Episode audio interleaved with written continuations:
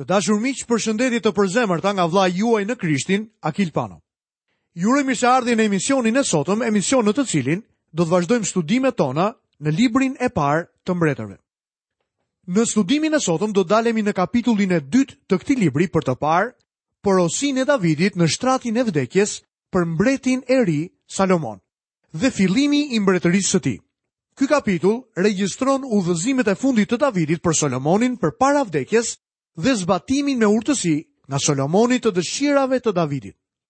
Pa humbur kohë do të lexojmë nga vargu i parë dhe i dytë në kapitullin e dytë në librin e parë të mbretërve.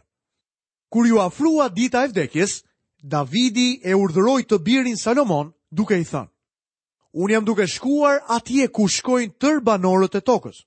Prandaj tregohu i fortë dhe sillu si burrë. Para së gjithash, Davidi tha, Unë jam duke shkuar atje ku shkojnë tërë banorët e tokës. Kjo është rruga e njeriut.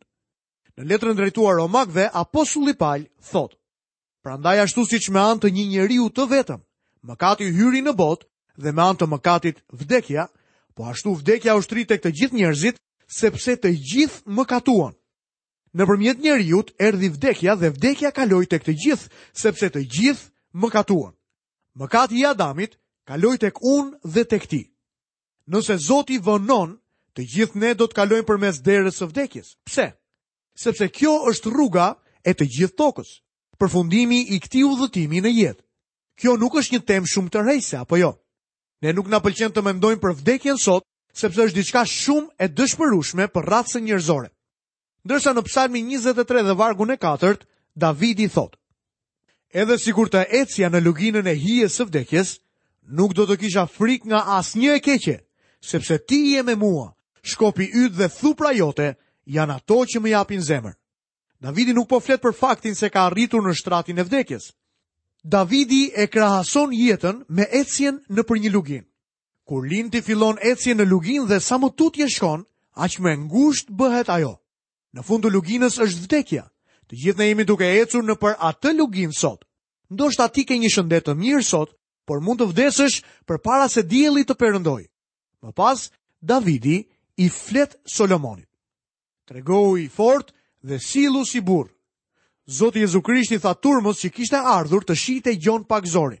Por çfarë keni dalë të shikoni? Njeriun e mbështjellë me rroba të buta? Ja ata që veshin rroba të buta, banojnë në pallatet mbretërore. Gjon Pagëzori u rrit në shkretëtirë. Ai ishte një burrë i fortë. Zoti ynë gjithashtu ishte i fortë. Mua nuk më pëlqejnë ngjyrosjet që i bëjnë atij, sepse e bëjnë të duket paksa femëror. Megjithëse në disa prej pikturave të fundit, autorët janë përpjekur ta bëjnë atë të duket më mashkullor. Unë mund t'ju them se nëse do të mund ta kishit parë Zotin Jezu Krisht kur ishte në këtë tokë, do të kishit parë një njeri të fortë. Ai kishte duart me kallo, për shkak se ishte zdrukthtar. Ai ishte perëndi dhe njeri në të njëjtën kohë. Ai ishte njeriu i vërtetë dhe perëndia i vërtetë. Solomoni nuk ishte aspak si i ati. Davidi ishte burrë. Solomoni nuk ishte shumë burrë. Davidi ishte i fortë, ndërsa Solomoni ishte rritur në pallat. Në fakt, ai ishte rritur në pallatet e grave. Pse vallë kishte Solomoni 1000 gra rreth tij? Miqtë mi, përgjigja është e qartë. Gjithçka që njihte Solomoni ishin gratë. Nuk mendoj se ai dhe Davidi kishin shumë gjëra të përbashkëta. Davidi i tha atij, Unë të kam caktuar mbret. Dua të bëhesh burrë. Nuk mendoj se je i tillë, por bëj më të mirën që mundesh. Ky është urdhri që Davidi i la djalit që ishte rritur me rroba të buta. Solomoni nuk ishte si Davidi. Ai nuk ishte si Gjon Pagëzori. Ai nuk ishte as si Zoti ynë Jezu Krisht. Megjithatë, tani ai është mbreti i Izraelit. Do të lexojmë më poshtë në vargun e tretë dhe të katërt.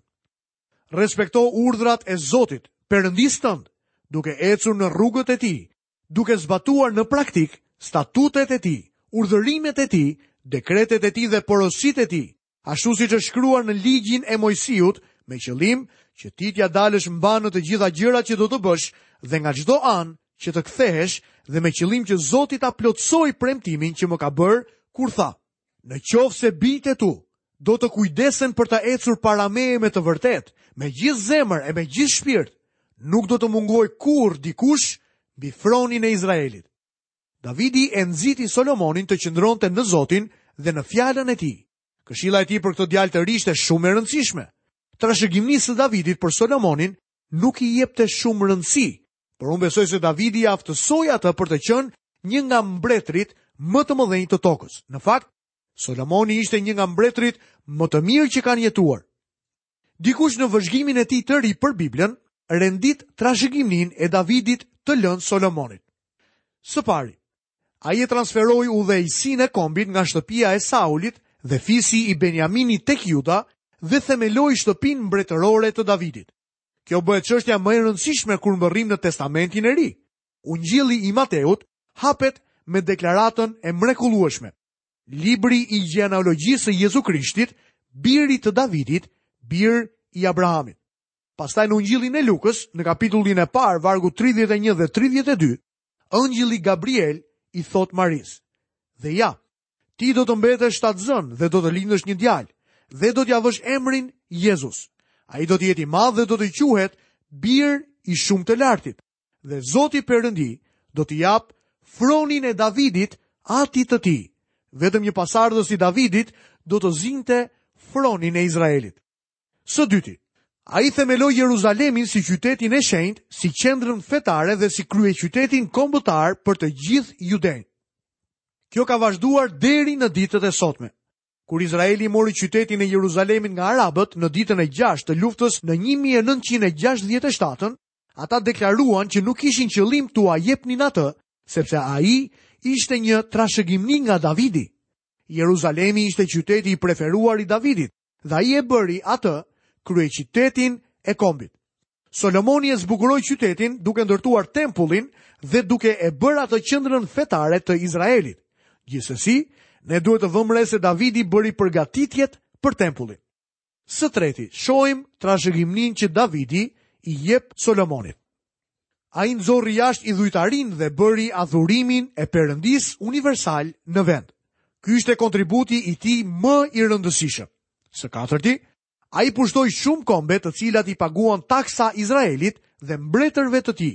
Ai zgjeroi kufijtë e vendit deri në Egjipt, në jug dhe deri në lumin Eufrat në veri dhe lindje.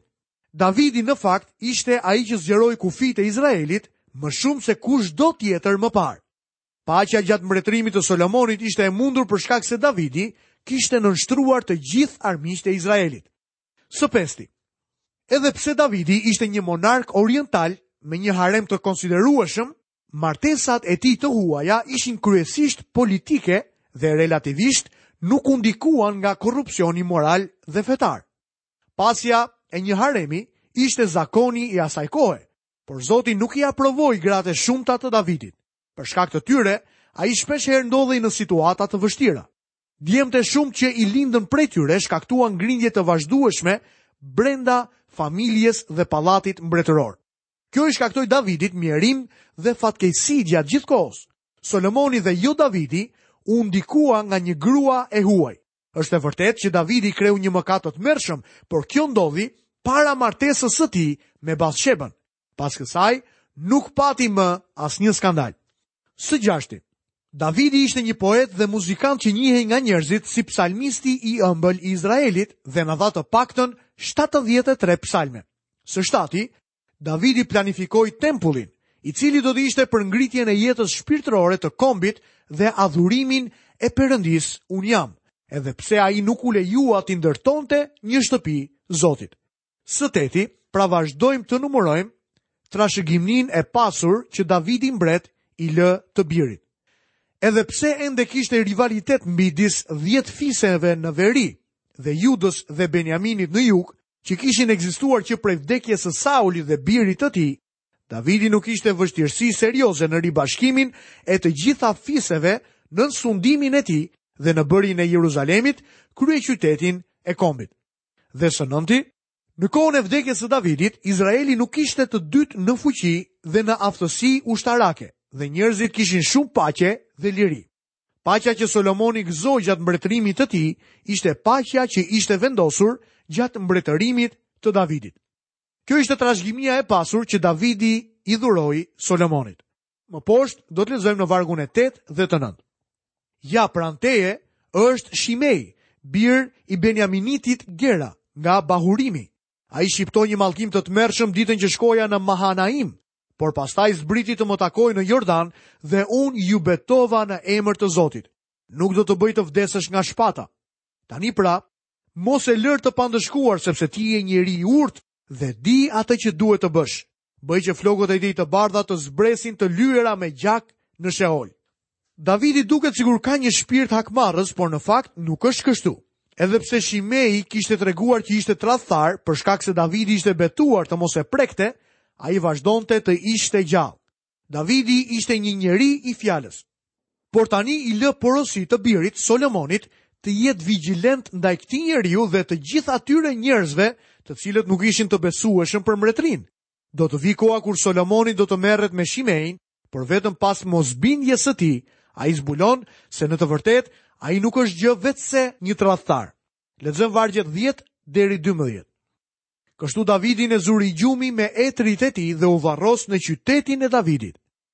Davidi mbretëroi mbi Izrael 40 vjet, 7 vjet në Hebron dhe 33 vjet në Jeruzalem. Pastaj Salomoni u ul mbi fronin e Davidit, atit të tij, dhe mbretëria e tij u vendos në mënyrë të qëndrueshme. Ka një notë trishtimi në vdekjen e Davidit. Ai ishte një njeri i madh i Perëndisë. A i mbani mend djalin e parë të Davidit me Batshebën? Ai vdiq vetëm disa ditë pas lindjes së tij? Davidi tha për të, ai kurrë nuk do të vijë tek unë, por unë do të shkoj tek ai. Tani Davidi shkoi tek ai fëmijë, tani që i ati vdiq, Solomoni vjen në fron. Gjatë ndryshimit të çdo dinastie apo sunduesi, ka gjithmonë një kohë trazire dhe ndryshimi. Lexojmë më poshtë prej vargjeve 13 dhe 14. Adonijahu, biri i Agithit, shkoi te Bathsheba, nëna e Salomonit, Kjo i tha, a vjen me qëllime paqësore? Ai u përgjigj, po, paqësore. Pastaj shtoi, kam diçka për të të thënë, ajo u përgjigj, thuaje pra. Edhe pse tani Solomoni është në fron, Adonijahu nuk ka hequr dorë nga ideja e të priturit për t'u bërë mbret. Ai vjen tek Bathsheba, nëna e Solomonit, duke i ushqyer vetes akoma këtë mendim. Ajo nuk ka shumë besim tek ai dhe ai është i shqetësuar për misionin e tij. Ai thotë se është një njeri paqësor. Ajo i thotë, thuaje pra me fjalë të tjera, jam duke të dëgjuar. Lexojmë vargun e 15. Kështu ai tha: Ti e di që mbretëria më takonte mua dhe që tërë Izraeli priste që unë të mbretëroja, por mbretëria m'u hoq dhe kaloi në duart e vëllait tim, sepse atij ia dha Zoti. Ai po thotë se është më popullor se Solomoni dhe populli e do atë si mbret. Lexojmë vargjet 16 dhe 17. Tani do të të bëj një kërkesë, mos ma hidh poshtë. Ajo u përgjigj, thuaje pra. Atëherë ai tha, të lutem thuaji mbretit Solomon i cili nuk të refuzon asgjë që të më japë për grua shunamiten Abishaga. Ai po thotë, meqenëse mbretëria m'u hoq kam një kërkesë të vogël. Do të doja Abishagajn për grua. Besoj se mbani mend që kjo grua i shërbeu Davidit gjatë ditëve të tij të fundit. Lexojmë vargjet 18 deri 21. Bathsheba iu përgjigj: Mirë, do t'i flas mbretit tim në favorin tënd. Bathsheba shkoi pra tek mbreti Solomon për t'i folur në favor të Adonijahut. Mbreti u ngrit për t'i dalë përpara, u përul përpara saj, pastaj u ul në fronin e tij dhe urdhëroi që të vinin një fron tjetër për nënën e mbretit dhe ajo u ul në të djathtë të tij. Ajo tha, Kam një kërkesë të vogël, mos ma refuzo. Mbreti iu përgjigj, Bëje pra kërkesën tënde o nëna ime, unë nuk do të ta refuzoj. Atëherë ajo i tha, Shunamitja Abishag t'i jepet si grua vëllait tënd Adonija. Kjo ishte një kërkesë e pacipë, por Adonijahu e dinte që Solomoni nuk do t'i mohonte asgjë së ëmës. Kjo është arsyeja pse shkoi tek Bathsheba në vend që të shkonte direkt tek Solomoni. Lexojmë vargjet 22 dhe 23. Mbreti Salomon iu përgjigj nënës së tij duke i thënë: Përse kërkon shunamiten Abishag për Adonijahun? Kërko për të edhe mbretërinë, sepse ai është vëllai im i madh. Po, kërkoje për të, për priftin Abjathar dhe për Joabin, birin e Cerujahut. Atëherë mbreti Salomon u betua në emër të Zotit duke thënë, Perëndia ma bëftë këtë edhe më keq në rast se Adonijahu nuk e ka thënë këtë fjalë duke vënë në rrezik jetën e tij. Ajo çfarë po bënte Adonijahu në fakt ishte një lëvizje rreth fronit. Ai po bënte diçka të rrezikshme, por po tregohej shumë i zgjuar. Adonijahu ishte vëllai më i madh i Solomonit dhe Solomoni pa dyshim ishte i informuar për lëvizjen e vëllezërve për të zënë fronin para se Davidi të caktonte një pasardhës. Edhe pse Bathsheba në thjeshtësinë e saj mendoi se kërkesa e Adonijahut për Abishagin ishte e arsyeshme dhe e parrezikshme, mendja e mprehtë e Solomonit menjëherë e kuptoi komplotin që fshihej pas kësaj kërkese. Lexojmë vargjet 24 dhe 25. Prandaj tani ashtu siç është e vërtetë që rron Zoti i cili më ka caktuar, ka vendosur të ulem në fronin e atit tim David dhe më ka themeluar një shtëpi ashtu siç kishte premtuar. Sot Adonijahu do të ekzekutohet. Kështu mbreti Salomon dërgoi Benajahun, birin e Jehojadit, që u hodh mbi Adonijahun dhe ky vdiq. Vdekja e Adonijahut ishte pa dyshim brutale, por vdekja e tij, eliminoi një pretendim për fronin. ishte e nevojshme që ai të ekzekutohej në mënyrë që Solomoni të vendosej në fron. Për aq kohë sa Adonijahu do të jetonte, ai do të vazhdonte të thurte komplote në pritje për të zënë fronin. Tani pasi Solomoni u lirua nga Adonijahu, ai kuptoi se do të ishte e nevojshme që të largonte nga vendet me influencë ata që kishin mbështetur Adonijahun. Lexojmë nga vargjet 26 dhe 27. Pastaj mbreti i tha priftit Abiathar, shko në Anathoth në arat e tua, sepse ti meriton vdekjen, por unë nuk do të të bëj që të vdesësh sot, sepse ke çuar arkën e Perëndisë, Zotit përpara atit. Kështu Salomoni largoi Abiatharin nga funksioni i priftit të Zotit, me qëllim që të shkonte në vend fjala që Zoti kishte shqiptuar në lidhje me shtëpinë e Elit në Shilo. Abiathari, një pasardhës i Aronit, u largua nga zyra e tij priftërore dhe u dërgua në shtëpi i turpëruar, sepse kishte marrë pjesë në rebelimin e Adonijahut. Arsyeja e vetme pse nuk u ekzekutua ishte për shkak të besnikërisë së tij ndaj Davidit gjatë rebelimit të Absalomit. Kjo mbylli linjën e Elit. Lexojmë vargjet 28 deri në vargun e 30. Ndërkaq lajmi i kishte vajtur Joabit sepse Joabi kishte ndjekur Adonijahun, por nuk kishte ndjekur Absalomin. Prandaj ai u strehua në tabernakullin e Zotit dhe u kap pas brirëve të altarit. Pastaj i thanë mbretit Salomon: Joabi është strehuar në tabernakullin e Zotit dhe ndodhet pranë altarit. Atëherë Salomoni dërgoi Benajahun, birin e Jehojadit, duke i thënë: Shko, godite. Kështu Benajahu hyri në tabernakullin e Zotit dhe i tha, Dil jashtë. Ai u përgjigj, Jo, dua të vdes këtu. Benajahu ia njoftoi ngjarjen mbretit duke thënë, Kështu foli Joabi dhe kështu m'u përgjigj. Kur Joabi dëgjoi se çfarë i kishte ndodhur Abiatharit dhe Adonijahut, u nis për në tabernakullin e Zotit. Ai hyri brenda dhe u kap pas brirëve të altarit. Solomoni zgjodhi Benajahun, birin e Jehojadit, që të ishte ekzekutuesi i Joabit. Ai shkoi pas Joabit dhe i kërkoi që të dilte jashtë tabernakullit. Joabi refuzoi duke thënë, "Nëse kam për të vdekur, do të vdes tamam në këtë vend." Lexojmë vargun 31 dhe 32. Atëherë mbreti tha, Bëj ashtu siç të ka thënë ai, godite dhe varrose, kështu do të largosh prej meje dhe prej shtëpisë së atit tim, gjakun që Joabi derdhi pa shkak. Kështu Zoti do të hedhë mbi kokën e tij gjakun që ka derdhur, duke goditur dy njerëz më të mirë dhe më të drejtë se ai dhe që i vrau me shpatë, pa dijeninë e atit tim David. Është fjala për Abnerin, birin e Nerit, komandant i ushtrisë së Izraelit, dhe për Amasan, birin e Jetherit, komandant i ushtrisë së Judës. Joabi ishte një njeri i guximshëm. Lexojmë vargjet 33 dhe 34. Gjaku i tyre do të bjerë mbi kokën e Joabit dhe mbi kokën e pasardhësve të tij për jetë, por do të ketë paqe përgjithmonë nga ana e Zotit për Davidin, për pasardhësit e tij, për shtëpinë e tij dhe për fronin e tij.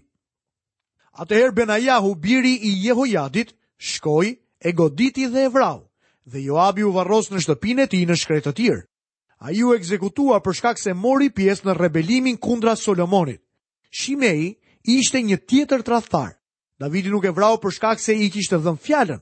Solomoni tani vendos kufizime. Lexojmë vargun e 36. Pastaj mbreti dërgoi të thërrasin Shimein dhe i tha: Ndërto një shtëpi në Jeruzalem dhe atje do të banosh. Nuk do të dalësh më për të shkuar andej e këtej. Solomoni donte që Shimei të ishte atje ku ai mund ta shikonte. Kudo që shkoi Shimei mbolli fara rebelimi. Solomoni donte që të shihte çdo lëvizje të tij. Lexojmë vargun 37 dhe 38. Ditën që ke për të dalë dhe ke për të kaluar përruan Kidron, dije me siguri që ke për të vdekur, gjaku yt do të bjerë mbi kokën tënde. Shimei iu përgjigj kështu mbretit. Mirë, shërbëtori yt do të bëjë ashtu siç ka thënë mbreti, zotëria im. Kështu Shimei qëndroi në Jeruzalem për një kohë të gjatë. Solomoni e urdhëroi Shimein që të ndërtonte një shtëpi në Jeruzalem dhe të qëndronte brenda kufijve të këtij qyteti. Ai kishte të ndaluar që të kthehej dhe të jetonte me fisin e tij. Shimei premtoi se do të ishte i bindur ndaj urdhrit të mbretit. Lexojmë vargun 39 dhe 40. Por pas tre viteve ndodhi që dy shërbëtorë të Shimeit ikën pranë Akishit, birit të Makahut, mbretit të Gathit. Këtë gjë ia njoftuan Shimeit dhe i thanë: Ja shërbëtorët e tu janë në Gath.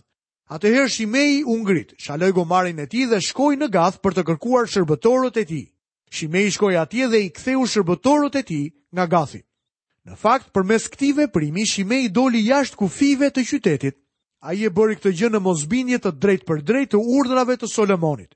Solomonit i thanë atë që kishte bërë Shimei. Kështu mbreti dërgoi disa njerëz për të. Lexojmë nga vargu i 43 deri në vargun e 46.